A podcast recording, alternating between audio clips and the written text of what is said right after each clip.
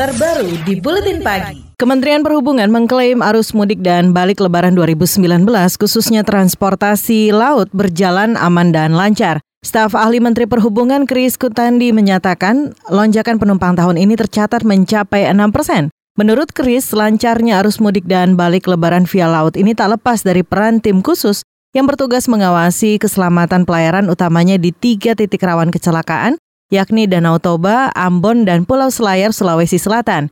Chris mengklaim keberadaan tim pengawas ini membantu perbaikan dari segi keselamatan dan pelayanan yang diatur adalah kepastian kapal itu layak laut. Yang kedua kecukupan alat-alat keselamatan seperti sabuk pengaman, sekoci dan lainnya. Juga masalah jumlah muatan tidak melebihi uh, kapasitas atau tonase yang dipersyaratkan. Juga melihat pada aspek pelayanan apakah di pelayanan kapal tadi itu cukup memadai atau tidak. Staf ahli Menteri Perhubungan Kris Kuntandi menyebut selama eh, mudik lebaran kelebihan kapasitas kapal diperbolehkan. Namun ia mengingatkan penambahan penumpang harus sesuai ketentuan yang ditetapkan otoritas terkait. Kris mengatakan pengiriman tim pengawas dilakukan agar kejadian tenggelamnya KM Sinar Bangun di Danau Toba pada lebaran tahun lalu tidak terulang. Kecelakaan yang menewaskan 160 orang lebih itu diakibatkan oleh faktor kelalaian dan cuaca buruk. Pengamat transportasi dari Universitas Sugi Japratnatas, Joko Setiowarno mengingatkan soal bahaya dispensasi batas kapasitas penumpang kapal. Kata dia semua pihak harus mengikuti standar minimal untuk menciptakan keamanan, kenyamanan, dan keselamatan angkutan laut.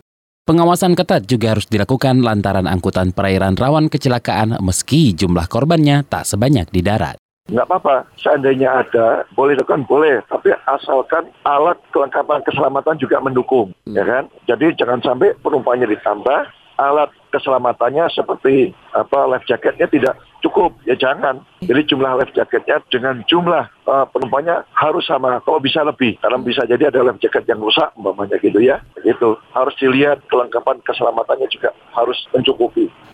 Pengamat transportasi Joko Setiowarno mengapresiasi dibentuknya tim pengawasan tim pengawas keselamatan perairan oleh Kemenhub.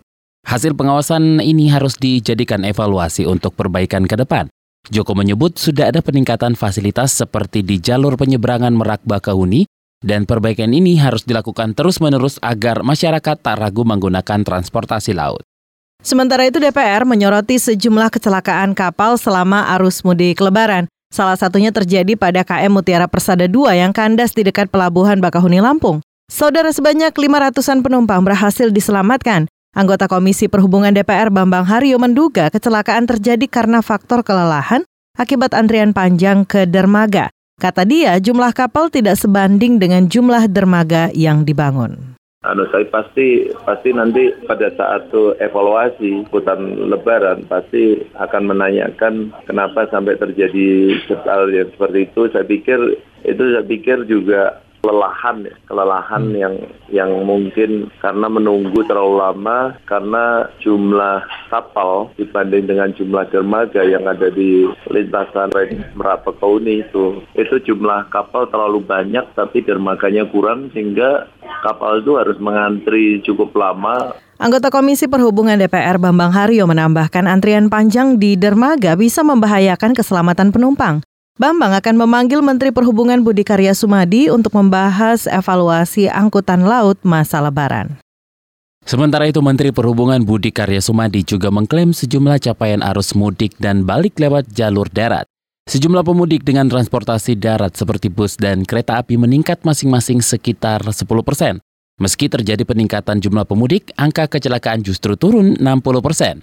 Budi menyebut Program mudik gratis berkontribusi besar pada kesuksesan masa angkutan lebaran tahun ini. Itu sebab ia ingin program mudik gratis ditingkatkan tahun depan. Mudik gratis atau bis ini akan kita intensifkan lagi agar e, mengurangi kendaraan pribadi untuk berjalan untuk angkutan dalam kota dan asal.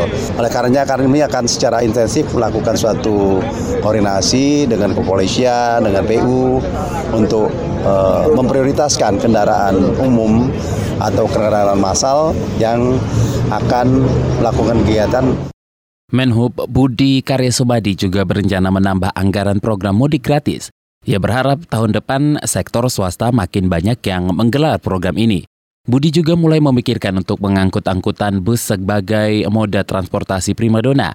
Salah satu caranya dengan memberikan insentif untuk menarik investor. Langkah ini juga dibarengi perbaikan infrastruktur seperti terminal dan fasilitas pendukungnya. KBR, inspiratif, terpercaya.